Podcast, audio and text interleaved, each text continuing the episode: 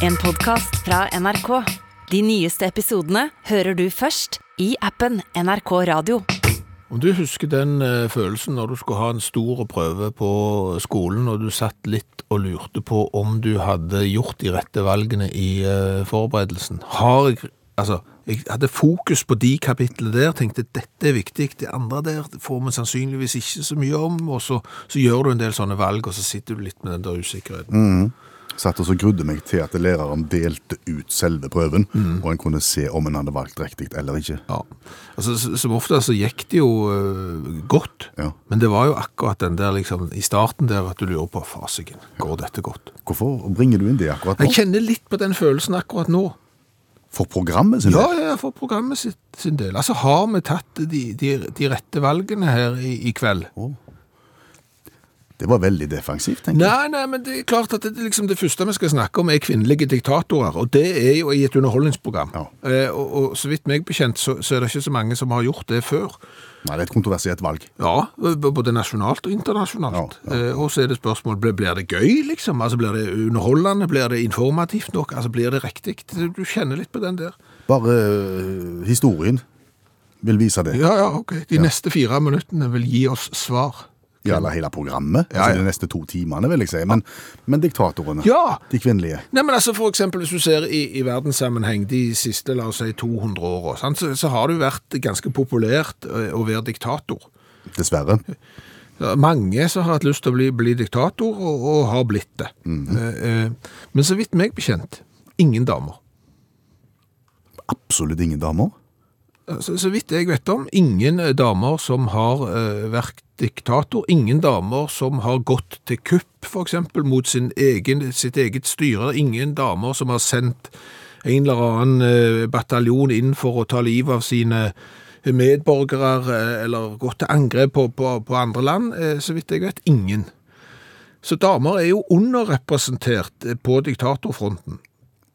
Dessverre, vil jo jeg si da. Ja, jeg òg. Ja. For, jeg tror jo at hvis det hadde vært kvinnelige diktatorer, så hadde jo diktaturene sett eh, helt annerledes ut. Altså, du hadde gjerne ikke sett sånne ting. Altså, la oss nå si da at, la oss nå kalle Putin for diktator. Altså, folk har jo kalt han litt forskjellige ting de siste dagene og skapt overskrifter. Utakt eh, bryr han seg ikke om, så vi, vi sier det, eh, diktator. Hadde du hatt ei dame da, som styrte Russland, hadde sikkert verden sett helt annerledes ut den dag i dag. Ganske sikker på det. Er interessante tanker. Ja. Men, men er det, akkurat jeg tenker at det er noen, jeg. Men du kommer ikke på noen. Altså, jeg tror skal du få noen, så må du nesten ha kjønnskvotering. Altså, når, når du da går på diktatorskolen, eller har liksom sånn di diktatorsamling, Kvinner oppfordres til å søke. ja, så, så du må nesten det. Nei, altså, Fru, det fru Marcos. ja, men altså, det du tenker på er at det har vært en del koner til diktatorer, som du husker. Ja. Altså Imelda Marcos, ja, som jo da var gift med, med Ferdinand Marcos, en liten tøysepave tøysepav fra eh, Filippinene, som klarte å, å rote det til ettertrykkelig. Hun ble jo berykta. Ja. Eh, Både for å tafse og tufse til seg ganske mye penger, eh, og fordi at hun hadde ganske mye sko. Ja. Eh, Men, men hun bor jo fremdeles i Filippinene, så vidt jeg vet, og, og har jo stilt til valg, og hun er jo særdeles ikke så upopulær, har ikke gått til krig verken mot naboland eller egen befolkning. Fru Mao. Hvem av de? ja, er lederen av firerbanden, så vidt jeg husker. ja, altså jeg tror Mao var gift fire ganger, jeg tror hun fjerde var den som spilte en politisk rolle som havna i fengsel eh, av den der firerbanden. Men, men, men hun, hun, ikke hun heller, ser du. Nei. Og så har du hun der kona til Ceausescu, Ja. han i Romania. Mm. Eh, Hun var ikke noe eh, lyspunkt i verdenshistorien, men, men du kan ikke skylde på hun heller eh, når det gjelder liksom eh, diktatorstyre. Konklusjon, hvis vi på død og liv må ha diktatorer, Ja. men helst ikke, men hvis vi må ha, Ja. så foretrekker vi kvinnelige. Det, det er det vi går for. Og og jeg vil anbefale ei Facebook-gruppe som heter Diktatornytt. Ja. Den skal jeg dele på vår Facebook-gruppe, for der er det mye gøy, ser du. Hallo, ja. Hallais, Klingsheim! Hei, Stavanger-smurfen. Stavanger-kameratene, go, go, go! Jeg skal trege deg igjen. Hva er vårens vakreste eventyr? Og det er vel noen som sier Holmenkollstafetten, er det ikke det? Jo, det har jeg òg hørt, og det er det definitivt ikke. Bedriftsidrettslag i tang trikot det er ikke vårens vakreste eventyr om det smalt. Nei, ok. Så det er det ikke. Nei. Har du hørt andre ting? da? Mye som vårens vakreste eventyr. Ja, men Det er vel noen som snakker om vårånd, på en måte. Altså det som når, når, når bøndene begynner å, å fyre i gang. Ja, det har jeg òg hørt. Det er også sånn nyutsprungne russ. Ja. Ja. Men akkurat det der var du inne på det, Klingsheim. Kvinnesland heter jeg. Ja, samme kan det være. For en gangs skyld så var du inne på det. Vårens vakreste. Ja, altså det der våronna når, når bøndene kjører ut på, på åkrene og slipper ut skit, Ja. Gjødsel og møkk. og viper kommer og alt det der greiene der, da sier de at det er vårens vakreste eventyr. Stemmer det. Det lukter jo drit. Ja, det lukter, det lukter drit. Så det er jo ikke vårens vakreste eventyr om det smalt. Det er på lik linje med Holmenkollstafetten, det. Du har ikke lyst på det. Ja, OK. Men kajakken og meg, Ja. vi vi skal gjøre eh, det å, å hive ut gjødsel på åkrene til faktisk vårens vakreste eventyr. Verden kommer til å takke oss. Å ja. Ja, ja. Skal dere revolusjonere måten den sprer ut møkk? Nei, det skal spres på samme måten. Det er bare selve møkka vi skal revolusjonere. Spennende. Den skal gå fra drittlukt til kanskje noe av det fineste verden har å by på av eh, eterisk eh, lukt. Den skal lukte noe annet? OK. Hva skal lukte? Old Spice. Skiten skal lukte Old Spice. Ja. Hvordan skal du få til det? Du må ikke le. Det her er 100 alvor. Det her er, kommer til å revolusjonere Altså, Bøndene kommer til å kunne kjøre gjennom 17. mai-tog nå med traktorene sine, og, få, og folk kommer til å se på dem med helt andre øyne. Mm, OK. Altså, Kajakken har kommet over da, et sånn et restlager med Old Spice. Ja, det er jo mannalukt. Ja, noe av det fremste som så verden har å by på av uh, mannalukt. Ja. Kanskje ved siden av Noble Man og Irish Spring. Nettopp. Ja. Og, og så kommer han over en container da med Altså ikke sånne små flasker. Nei, Vi har 2000 liter med Old Spice. Har vi. nettopp. Ja. Ja. Og da er jo da planen at du skal blande det inn i gjødselen som du har i gjødselkjelleren, etter et blandingsforhold som jeg og kajakken nå driver og forsker oss fram til. Så kajakken han har drevet i en del kopper bortover. Må du slutte. Det er helt naturlig. Kongen òg går på do. Det er ikke noe gale med det. Så har han lagd en del sånne avføringsprøver og litt forskjellig bort gjennom. Og så blander vi da inn eh, av Old Spice. Og så finner vi ut hva som er det optimale blandingsforholdet for liksom å nøytralisere drittlukta, og så få løfta opp den der med på en måte herligheten som Old Spice er. Altså den der følelsen når du tenker at vet du hva, hvis det lukter bedre nå, så kan jeg like så godt dra til himmelen. Litt den er du med på jakt etter. Hvor mye Old Spice må du ha i, i forholdet? Så tror du må det mye til for å døyve skittlukt? For å si det sånn, vi har ikke helt klart å finne det ut, for i den der, den der etter at kajakken hadde vært på indisk Der måtte det ganske mye til. Men, mens en annen, da, etter at han hadde vært en sånn uke på sånne lavkarbo-greier, den, den trengte ikke så mye. Nei. Så, så det, det er vi ikke helt sikre på. Det er mulig vi må få inn noe vanlig husdyrgjødsel òg for å teste dette. Tror du verden er er glad for at det kommer til å lukte Old Spice over store områder? Ja. Det tror du. Så det der er det dummeste spørsmålet jeg noensinne har hørt. Hører du sier det. Ja. Og tenk deg da når du får nøytralisert den og får the noble art of uh, Old Spice over the whole field. Hæ? Det blir vårens vakreste eventyr. Vårens vakreste eventyr. Så nå hvis det er bønder som hører på og er interessert i f.eks. 100-150 liter Old Spice til å hive i gjødseltanken, så tar du kontakt med yours truly. Go, go, go. Go, go, go! Flott. det. Snakkes! Ha det. Det er kolossalt eh, mange datingsider og datingapper der ute. Jeg har ikke oversikten, jeg, altså, men det er til og med ei norsk nettside som heter norgesbestedatingsider.com, som bare ramser opp de beste datingsidene. Ja. Eh, Der er Match.com og Elite Singles og B2 og Victoria Milan og alle vi ikke har verken hørt om eller prøvd. Kanskje du kunne prøvd Singles 50 for eksempel, seniordating for seriøse singler. Ja. Men, men det må jo være god business i det. Det er mye penger. Ja, men det jeg lurer på er om de er gode nok. Altså om de rett og slett er en bransje eh, full av humbug. Oi sann. Ja, fordi at det, hvis du ser på det, så er jo en sånn en datingside, en dating-app, de gjør jo egentlig alt de kan for å gå konkurs. Og det er vanskelig det? Snakker du i koder, Skjæveland? Nei, koder er når du begynner med sånn ZX i annen og sånn, forskjellig. Nei, ikke, ok, det var billedlikt. Å ja, at det var litt vanskelig å Ja. forstå. Nei, men altså, En datingside sin jobb er jo å få en av kundene til å treffe en av de andre kundene, og så bli sammen, og ikke ha behov for datingsida eller datingappen lenger. Ja, Og dermed så mister de de to kundene der. Og så er det to andre. Eh, Så er deres jobb da å finne hvem som passer for den, og hvem som passer for den, og så passer de sammen, og så er de to òg vekke. Så hadde datingsidene gjort en god jobb, så hadde de nesten ikke hatt kundegrunnlag. Men det er jo tydeligvis et særdeles stort kundegrunnlag, ergo så må de gjøre en særdeles lett jobb. ja ellers er moralen dårlig der ute blant folk. Ja, det kan han òg være, Ja. men gjerne ikke så dårlige. Nei. Nei. Så det er litt rart, at altså, datingbransjen er jo egentlig en bransje som jobber for at de sjøl ikke skal ha jobb. Og fins det noe tilsvarende der ute? Godt spørsmål. Uh, Altså, tannlege, kan det være litt sånn? litt. Men de har jo hevet seg på sånn omregulering og sånn. Ja. Altså, det, Alle har jo regulering nå. Vi hadde ikke regulering. Vi burde kanskje hatt. Alle har regulering nå. ja. Så, så der er det kanskje litt å gå på. Så har du ikke hull, så har du sikkert et eller annet annet feil. Så må du ta noe tannstein og sånn, så det er alltid litt der. Så, så der er det jo en jobb å gjøre. Kanskje at sånne som er ansatt i type holdningskampanjer, som skal få oss til å slutte med noe eller begynne med noe, når de har virka, så på en måte utraderer de seg sjøl. Når vi har slutta med noe. Ja, altså holdningskampanjen. Ja, jeg skjønner, skjønner hva du mener. Ja, eh, da, da har du jo som jobb å utradere deg sjøl, egentlig. ja da, da jobber du for at du skal være overflødig, ja. Sånn antirøykholdningskampanje, f.eks. Jeg tror kanskje ikke så mange er ansatt i det som det var tidligere. Nei, jeg, jeg har, ingen av mine unger har hatt besøk på skolen av noen med hull i halsen, eksempel. Nei, helt slutt på hull i halsen. Hånden bare, sant? Ikke røyke. Men, men Nei, altså, men jeg har sett litt på det. Ja. Altså Norge 1973, for eksempel. Da røykte 42% av den voksne befolkning. 42% det er mye. Ja.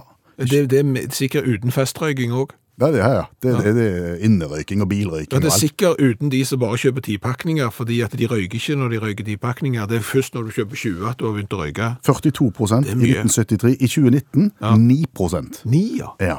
Da ser du det har gått fra 42 til 9. Det betyr at den holdningsgjengen som må jobbe, De har blitt mindre. ja, de trenger ikke være så mange Nei. på jobb. Det, det, det gjør de ikke. Nei. Vet du hvem som røyker mest i hele verden? Øh, en enkeltperson du tenker på? Jeg tenker ikke på Keith Richards. Her. Å, nei, nei. Nei, Grekere, ifølge oppslagsverk. Oi, Ja, 42% av grekerne røyker den dag i dag. Oi altså, så Hellas har klart å jobbe seg opp på det nivået som Norge var på i 1973. Ja, ja. ja der ser du, de, de, det går ikke fort i Hellas. Nei, det, på, det, på det nivået var vi for lenge siden.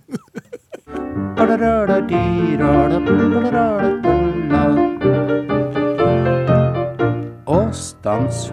Natt til søndag så stilte vi klokka til sommertid. Ja, Du var oppe i to tider og gjorde det sånn som du får beskjed om. Ja, ja, jeg setter på vekkerklokka, står opp, skrur han en time fram fra to til tre, jeg går og legger meg igjen, og får selvfølgelig ikke sove, akkurat som i fjor, året før det, og året før det.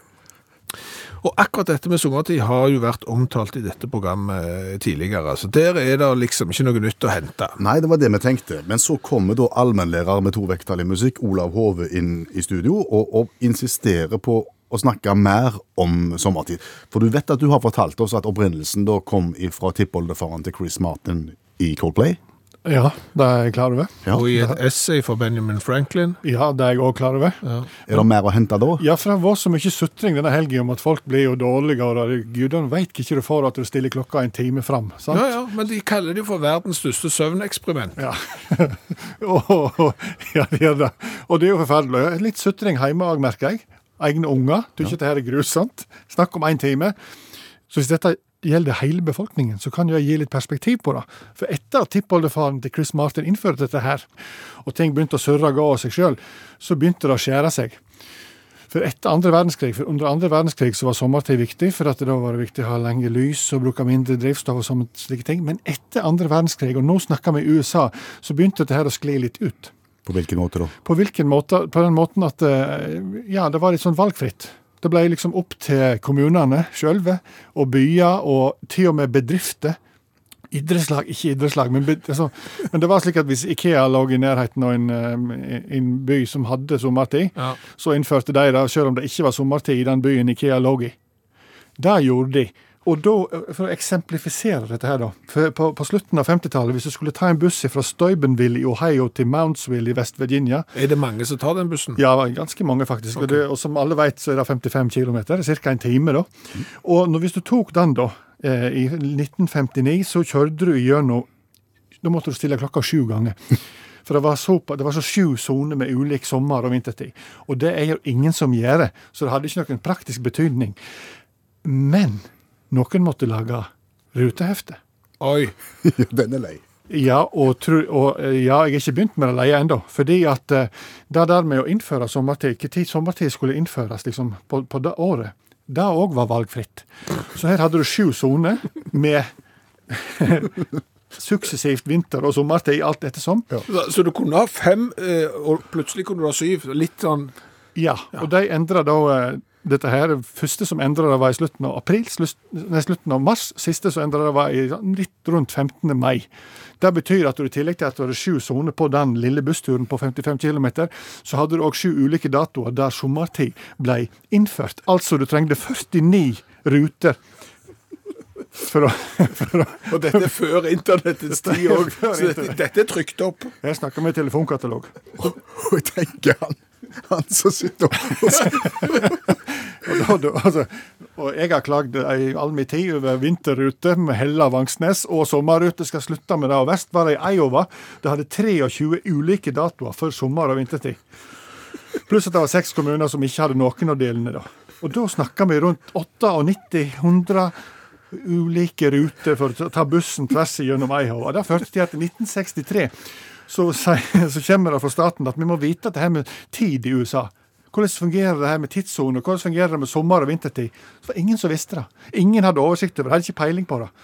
Helt til Lunden B. Johnsen da gikk inn i 1966 sa nå er det slutt. Alle skal ha sommertid, alle skal ha vintertid, og vi skal ha tre tidssoner. Ferdig med det.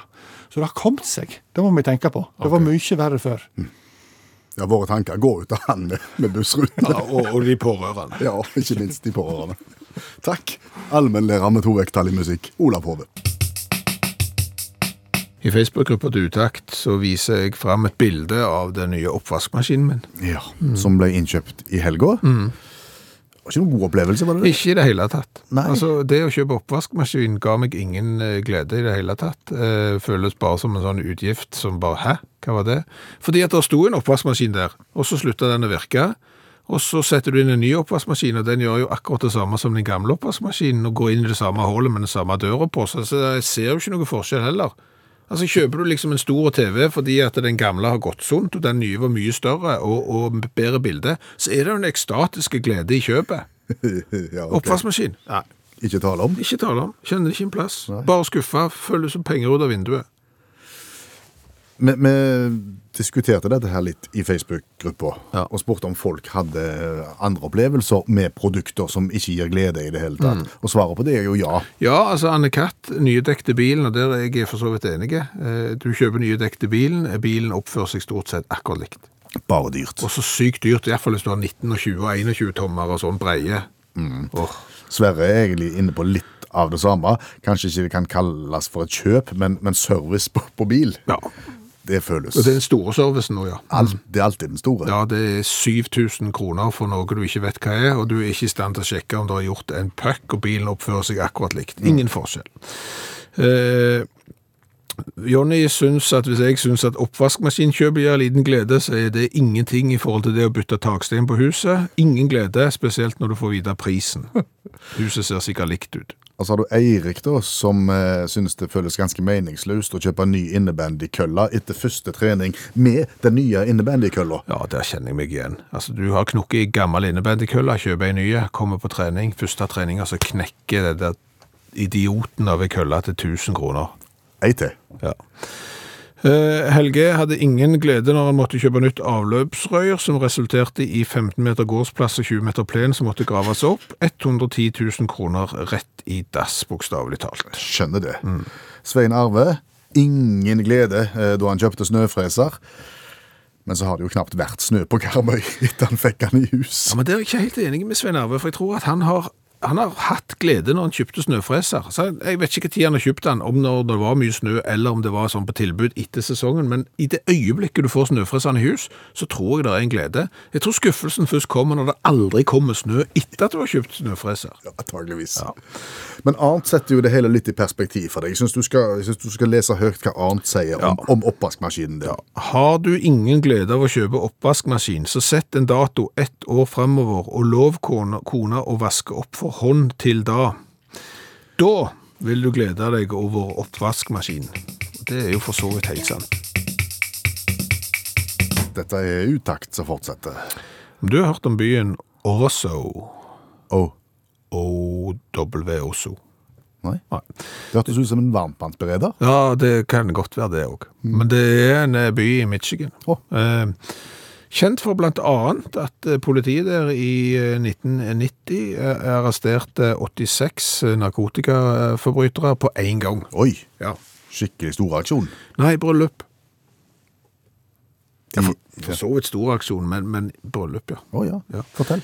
Fordi at eh, politiene Deb Williams og Lacey Brown, eh, de hadde jo jobbet mye mot eh, det narkotikamiljøet i byen. Og de hadde jobbet undercover.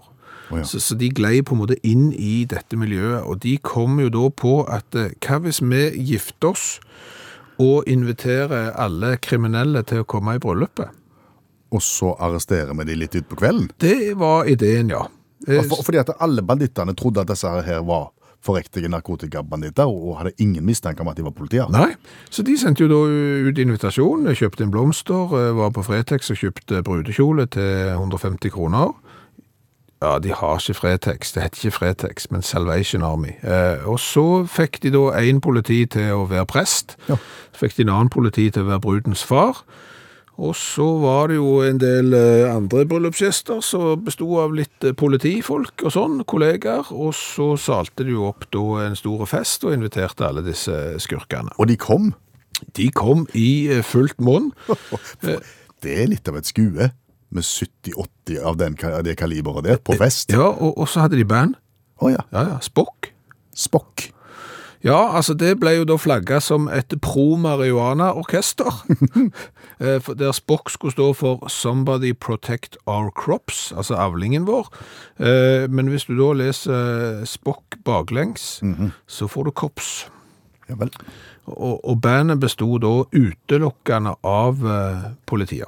Jøss. Ja, så de spilte til fest og, og basar, eh, og bruden selv var jo bevæpna, og, og eh, bruden, bru, altså ja, og, og det, det var jo liksom nøye planlagt. Ja, var det gule sang, tror du? Det er jeg litt grann usikker på, men det var nøye regissert. Ja. For det som da skulle skje, eh, det var jo at på et visst punkt i festen, så skulle jo denne pågripelsen komme. Mm. og, og når det skjedde da, så skjønte jo ikke disse eh, kriminelle at liksom, hæ? Ja, men det er jo, det er jo, det er jo kompisene våre her, det her som reiser seg med pistol og greier. Nei, det skjønte de ikke, så det tok litt tid Ja. før det kom inn over dem. Men hva var signalet, da? Signalet var når Spock, altså eh, det pro-marihuana-bandet som baklengs blir Kops, spilte.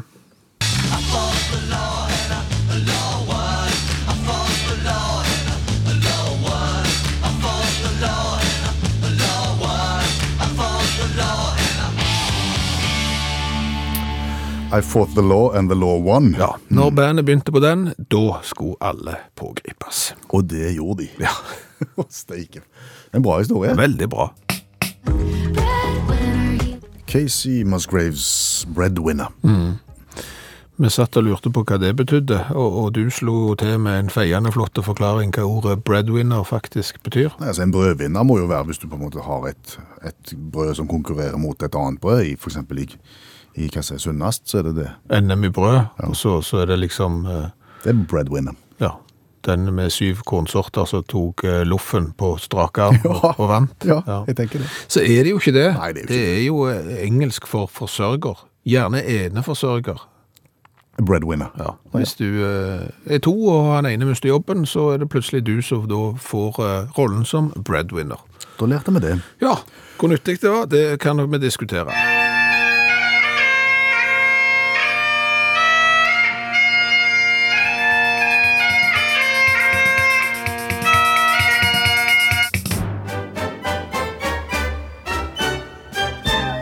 Gezwungenes deutsches Karaoke.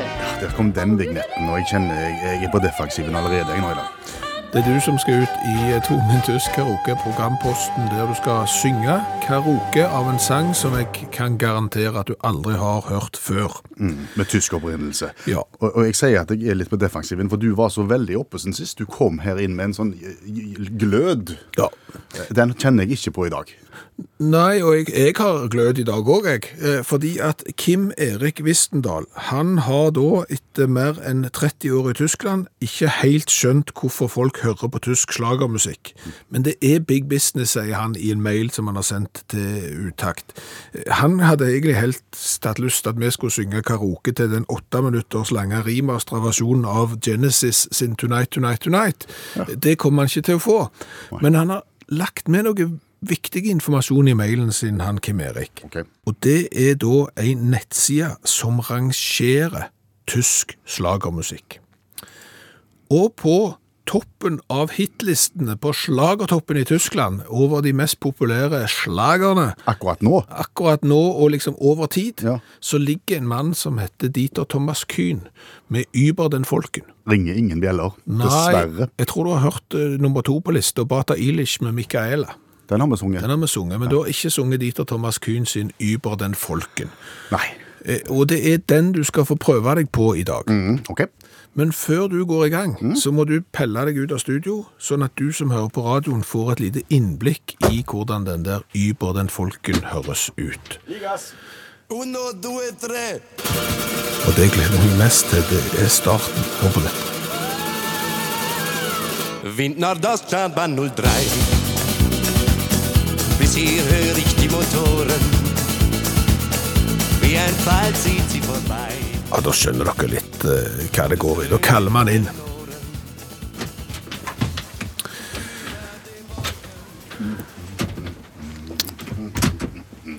Da, herr Kvinnesland, skal de få prøve deg på Her er arket. På den som topper hitlistene, slagerlistene i Tyskland akkurat eh, nå. Er de eh, rede? Teksten starter med 'ono do, tre. Altså, han teller opp 1, 2, 3. Er det, er det en del av teksten? Det må du nesten bare finne ut. Jeg kan ikke si mer enn lykke til. Uno, do, tre. Han sa det jo sjøl.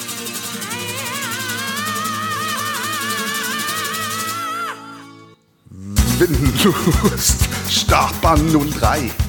Det er jo ikke melodi. Altså, det er klart det er melodi. Sie der vorbei und es strömt in meinen Ohren. Über den Wolken sehen, den soll es sein. Alle Angsten und Sorgen, sagt man, blieben darunter verborgen. Und dann würde uns groß und wichtig erscheint. Plutselig Jeg traff på slutten, hørte du? Nei, du traff ikke på noen verdens ting. Nei. Dette er den elendigste framførelsen i tvungen tysk karaokehistorien noensinne. Jeg sa jeg hadde en dårlig følelse. Det har du 100 rett i. Du kom ikke i gang, Nei. Og du var ikke i stand til å fange opp refrenget. Nei. Eh, Skal du høre eh, hvordan eh, den som topper slagerlisten i Tyskland faktisk høres ut? Må jeg? Absolutt. Uno, due, tre.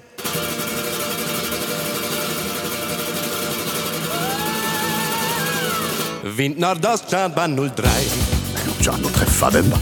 Bis hier höre Di, di, di, Ja, nå. Wie ein Pfeil zieht sie vorbei. Und es dröhnt in meinen Ohren. Refreng. Über den Wolken muss die Freiheit wohl grenzenlos sein. Alle Ängste, alle Sorgen darunter verborgen und dann würde was und groß und richtig erscheinen. Plötzlich nicht ich, nein. Og Leo, ja. Og Leo, det er alt slags her. Så, så i dag har du virkelig fått kjent på det. Bare beklager. Hvordan det er å stikke eh, nakken fram i den tyske slagergiljotinen. Og for å si det sånn, er bla, bladet falt.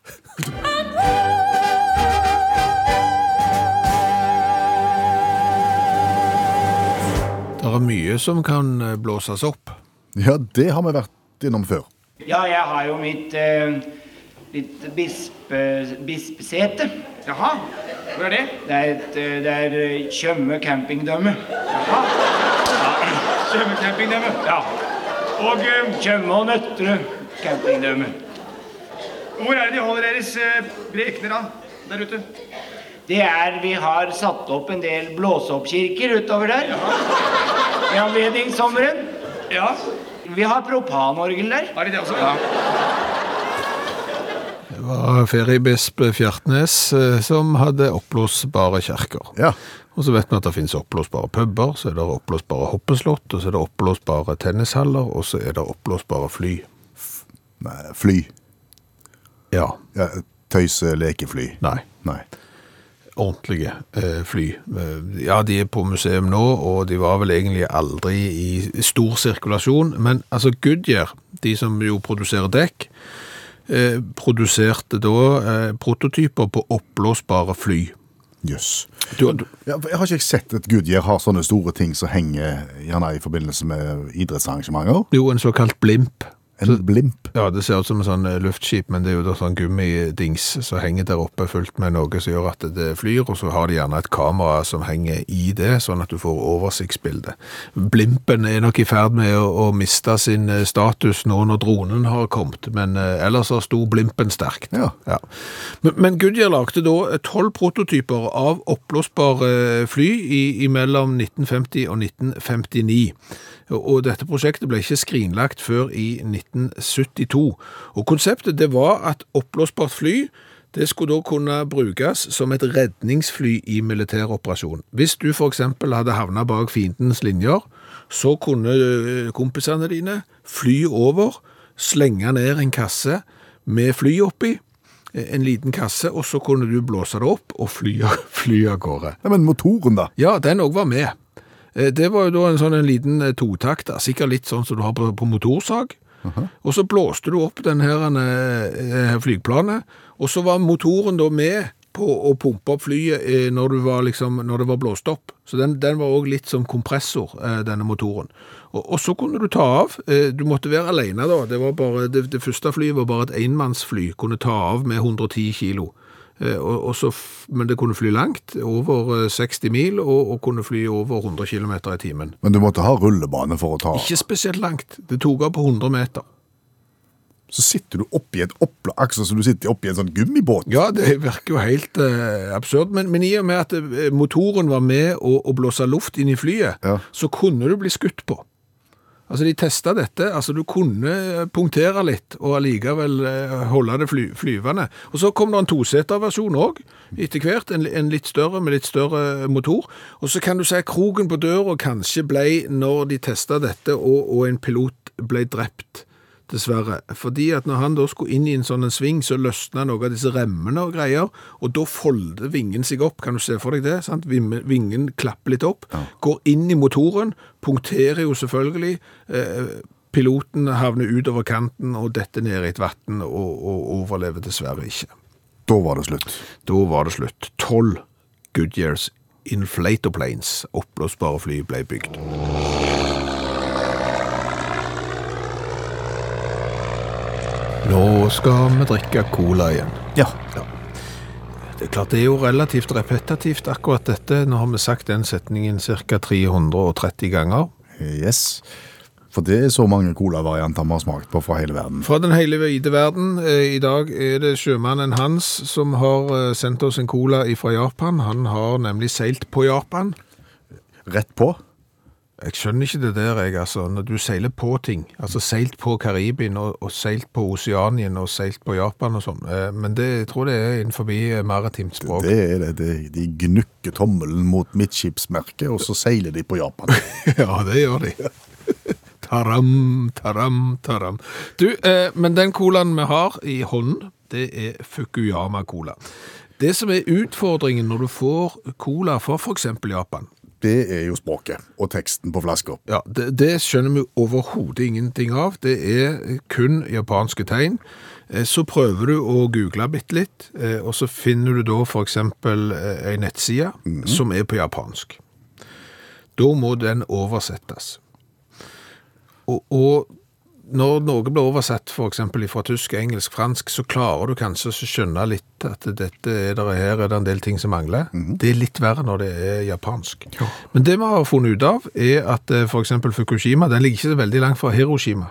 Så, så, Fukuyama. Fukuyama, unnskyld. Eh, og, og de har jo da egen rosefestival i mai. Dette er en liten by. Ja, det er ikke en li- det er ingen byer i Japan som er små. Nei. Ja, det er sikkert en milliard mennesker oppå hverandre, i haug, i høyblokk. Eh, og derfor så er eh, Fukuyama-colaen har en svart etikett med rosa skrift og ei rosa på. Yes. Ja. Som i festivalen. Så langt, så bra. Ja. Så er det jo hvordan oppsto denne colaen. Den ble født i 2010. Ifølge oppslagsverk. Ja, eh, de ville skape noe de kunne være stolte av. Ja. Så langt er vi vel i havn. En kveld sa en mann, la oss ta kokain. Nei, nei, nei. Der tror jeg at oversettelsesprogrammet har gått litt skeis. Det hadde vært coke. Ja. Eh, Er cola cola? Eh, Nei, eh, du har ikke sett den originale colaen Fukuyama. Dette ga meg gåsehud, og jeg kjente feberen rusle gjennom porene mine. Vi er sånn inne på hva det handler om her. Det som det handler om er at det er to store giganter innenfor colamarkedet. Er det ikke mulig å lage et eget, sa disse folkene som møttes for å ta kokain? Ja, i Fukuyama. Produsentens respons var imidlertid kald. Oi. Eh, vi klarer ikke å slå eh, colaboksen. Oppskriften er for vanskelige. Da kommer det et tibetansk skrift til disse menneskene. La oss likevel skape. Du tar ansvaret. Sa det tibetanske skriftet. Det er visstnok det. Så kjeder jeg meg. Ja, der eh, går det litt skeis igjen. Eh, Men iallfall så får du da en cola. Planlagt i Fukuyama, produsert i Fukuyama, elsket i Fukuyama. Nettopp. Og nå i radioprogrammet Utakt. Og dette er flotte glassflasker med stilig dekor, det kan vi si. Ja, det er den svarte etiketten med rosa rosa og eh, rosa skrift. Og de som produserer den, hvis vi har forstått det rett, de reklamerer ikke for produktet. De bruker kun pengene sine på eh, produksjon istedenfor eh, markedsføring. Eh, eh, og skrukork. Skrukork. Da er Masse kullsyre. kullsyre. Ai, ai, ai. Oh, det, nå, nå er jeg oppglødd, kjenner jeg. Ja, du har hatt en tung periode til den tyske karaoken, så nå Nå trenger jeg en opptur. Mhm. Sjelden er så mye kullsyre. Og voldsomt. så, så har passert, det har passert ekvator da, har det ikke? Sikkert. Han, han er litt, ikke så veldig svart, det kan Nei. man si.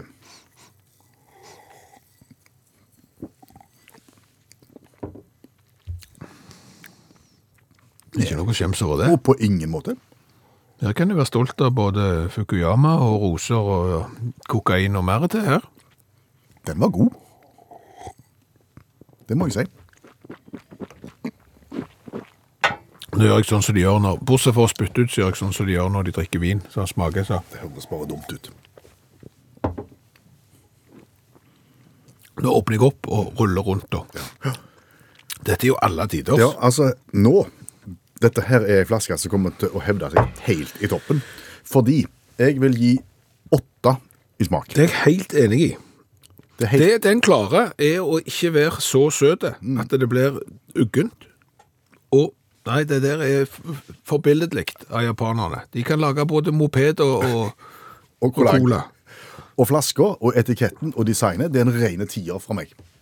Du er der. Ja, Jeg syns han er kjempetøffe. Ja, alle mulige der Det er åtte.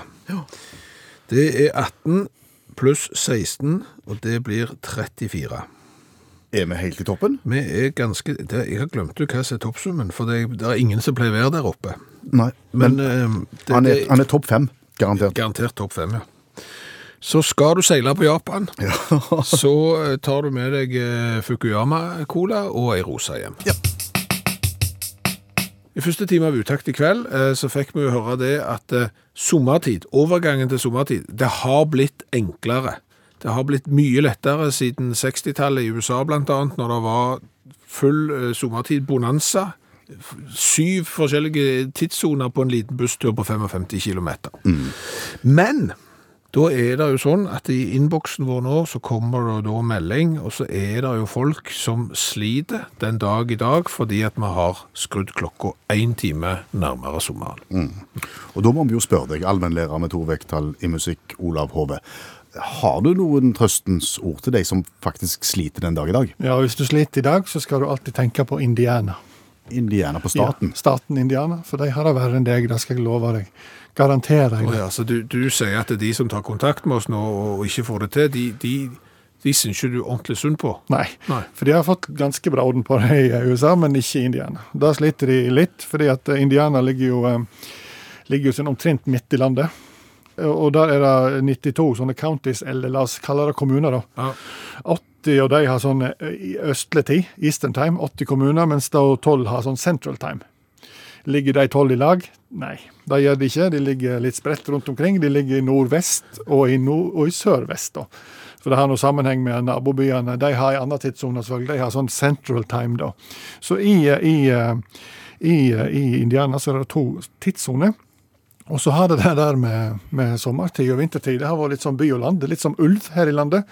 Eh, By vi har sommertid, land vi ikke har. og det En del av argumentet går på at vi forstyrrer søvnrytmen til kyr. Eh, som er et dårlig argument, men det har nå blitt slik, da. Jo, jo, men det er jo akkurat det folk som har tatt kontakt med oss kjenner på. Det ødelegger søvnrytmen, og her sammenligner du de da med kyr. Ja, Takk skal du ha. Så hvis folk nå får melkespreng, så skal jeg si det at det er, det er verre i Indiana. For, for da har du i realiteten tre tidssoner. da, sant? Så det, det surrer og, og går litt. da. Og så har det vært litt sånn at du kan velge om du vil ha sommertid eller vintertid. så Derfor så vet en egentlig ikke, hvis en kjører inn i en ny kommune, hva klokka er da. sant? Og i 2005 da, så ble det pålagt at nå er det slutt på det tullet her. Nå skal alle ha sommertid, alle skal ha vintertid, og alle skal ha denne her Eastern time, ikke sånn central som noen har da. Så det ble innført i 2006. Alt i orden. Det gikk ett år, så var alt tilbake til sånn som det var året før. Så Ja, men, men så, så, så, litt rolig nå.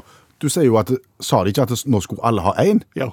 Men så gjorde de ikke det? Nei, de gikk tilbake og satte året etterpå. Og Så fikk de dispensasjon, og så ble det litt sånn, så da hadde de akkurat samme kaoset. Oh, ja, så det blir litt som når, eh, når eh, Vedum skal gå av i regjeringen hvis eh, bensinprisen stiger over 20 kroner, og så gjør han det, og så blir han sittende. Ja, Ja. på mange måter slik. Og verst da, For å eksemplifisere dette, så er det verst for de som jobber i marinebasen Naval Surface Warfare Center Crane Division, som ligger da sørvest i Indiana. Den er store, og ligger akkurat der tre kommuner møtes. da. Det er altså tre kommuner som er da i to ulike tidssoner, og der én av dem ikke har sommertid. Og de to andre de går over til sommertid på ulik dato. Betyr det at du kan komme på jobb og ha lunsj i én tidssone, og, og, og gå på do i en annen? Da hadde, jeg, da hadde jeg valgt meg den beste å komme på jobb i, og så hadde jeg valgt den beste til å gå hjem fra jobb i. Og da kan du si ja, dette var noe artig, men hvordan fungerer det i praksis? Jo, da kan vi si sånn som løytnant Pamela Ingram, som har slutta, småbarnsmor. Eh, Og hun bor i den delen som eh, hun bor i den delen som hadde sånn western time, men ikke sommertid. Og så jobber hun i den delen av basen som har central time og ikke sommertid. Og så er det selvfølgelig ungene, de er jo hjemme og har central time og sommertid. Og mannen han reiser mye og inn og ut av Indianapolis flyplass, som er på eastern time og har sommertid. Men det er selvfølgelig andre datoer det blir innført sommertid i den delen av, eh, av, av staten. Så hun slutta, og i begrunnelsen på så skrev hun 'Jeg veit aldri hvor mye klokka er'. så hvis du sliter noe med søvn, tenk på Indiana. Det er den beste oppsigelsen jeg gjør. Jeg, jeg slutter å jobbe, på, jeg vet ikke hva klokka er. Tenk hvis du blir skilt i Indiana og skal ha, ha, ha sånn mine og dine helger og, og onsdager. og- Annen kveld, eller det der greiene. Ja, hva, hva klokka kommer du og henter de? Nei, Og er, er det ikke McDonald's? Takk, allmennlærer med to vekttall i musikk, Olav Hove. Nå skal jeg komme med en påstand. Ja, Det kunne nesten vært så stiloppgave. Drøft følgende påstand. altså. Rettskrivingen har blitt dårligere med all form for autokorrektur, skråstrek retting. Ja, det tenker jeg er en naturlig konsekvens.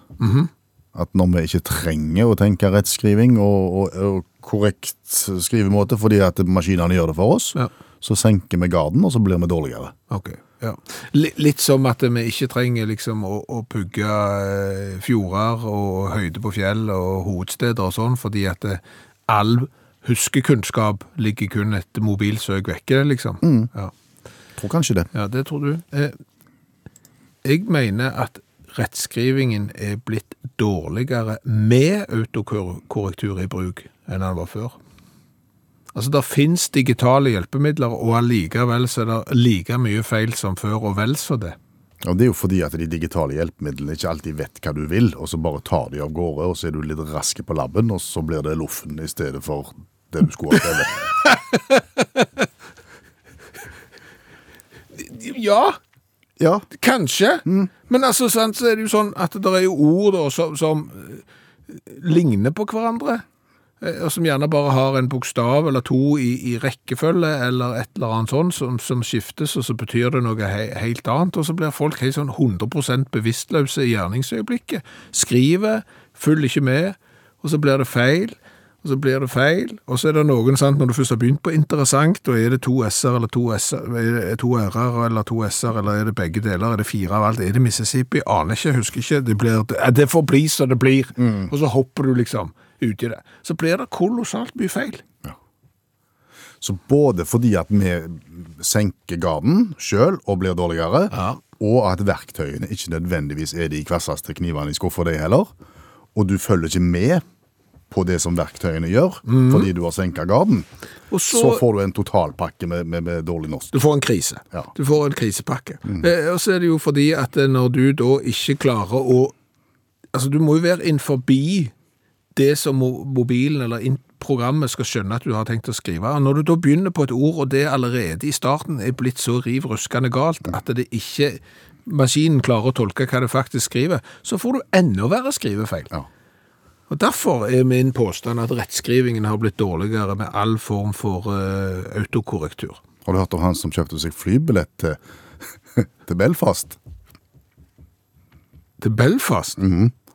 For han Det er mange som har kjøpt flybillett til Belfast. Ja, men han skulle på, på nordiske mediedager. Nordisk. Ikke nordirske. Nord. Nei, jeg må spørre hva han har lært i dag? ja, men ja, det var bare apropos musikken. Ja. Eh, Så har jeg lært at det er ikke alle som framfører musikk like bra som The Weeknd. Nei, det kan du si. Ja. Uno, due, tre. Han sa det jo sjøl.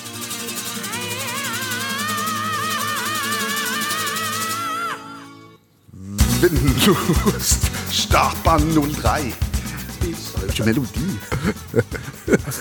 Ja, blytungt i, i tungen tysker. ja, det der er desidert det dårligste innslaget, som dermed ble det beste innslaget i tvungen tysk roke noensinne. Andre ting vi har lært, er jo at datingbransjen strengt tatt jobber for å gjøre seg selv overflødige. Ja, fordi at eh, mann går på datingside, kvinne går på datingside, eventuelt, finner hverandre, og trenger ikke være på datingside lenger. Nei. Og, og det er jo jo jobben til datingsidene, det er jo å finne en partner til de som er der, og når de lykkes så har de jo mistet to kunder, og sånn går jo dagene. Så, eh, men det er jo så mange datingsider at jeg tror jo de gjør en særdeles lett jobb da. Det er tydelig. Eh, Så har vi jo lært litt om politiet i Ovosso i Michigan i USA. Ja, undercover eh, politiagenter som lagde fiktivt bryllup og inviterte alle kjeltringene i byen. Ja, for de hadde jo mange de skulle arrestere, så da var det den letteste måten å arrangere bryllup. De tok og arresterte 86 stykker på en gang i det bandet spilte I fought the law and the law won. Tror du de hadde fått spist før det smalt? Jeg vet ikke om de hadde fått uh, skåret bryllupskaka en gang. Eh, så har jeg jo lært det at det, det er jo mange ting du er ute og handler som, som gir deg på en måte en glede.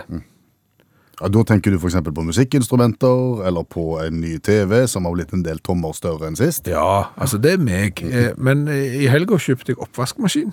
Det ga meg overhodet ingenting. Nei, du sa det. Så oppvaskmaskin, det er liksom, det er ikke noe å handle. Det har jeg lært. Eh, Så har vi lært det at etter det vi har grunn til å tro, så har det ikke vært kvinnelige diktatorer. Nei, det har jo vært eh, fruer til diktatorer som ikke har oppført seg fint. Ja, de har toget og hatt litt for mange sko og tatt litt for mye penger, men de har liksom ikke drept sin egen befolkning eller gått til angrep på nabolandet. Eh, Så vi vil ha kvinnelige diktatorer hvis vi på død og liv skal ha diktatorer. Ja. Til slutt har jeg lært at det finnes faktisk oppblåsbart eh, fly som har eh, fløyet tolv prototyper lagt. Av Goodyear. Sa, Bjørn Olav Skjævland. som sammen med Per Øystein Kvindesland lager utakt.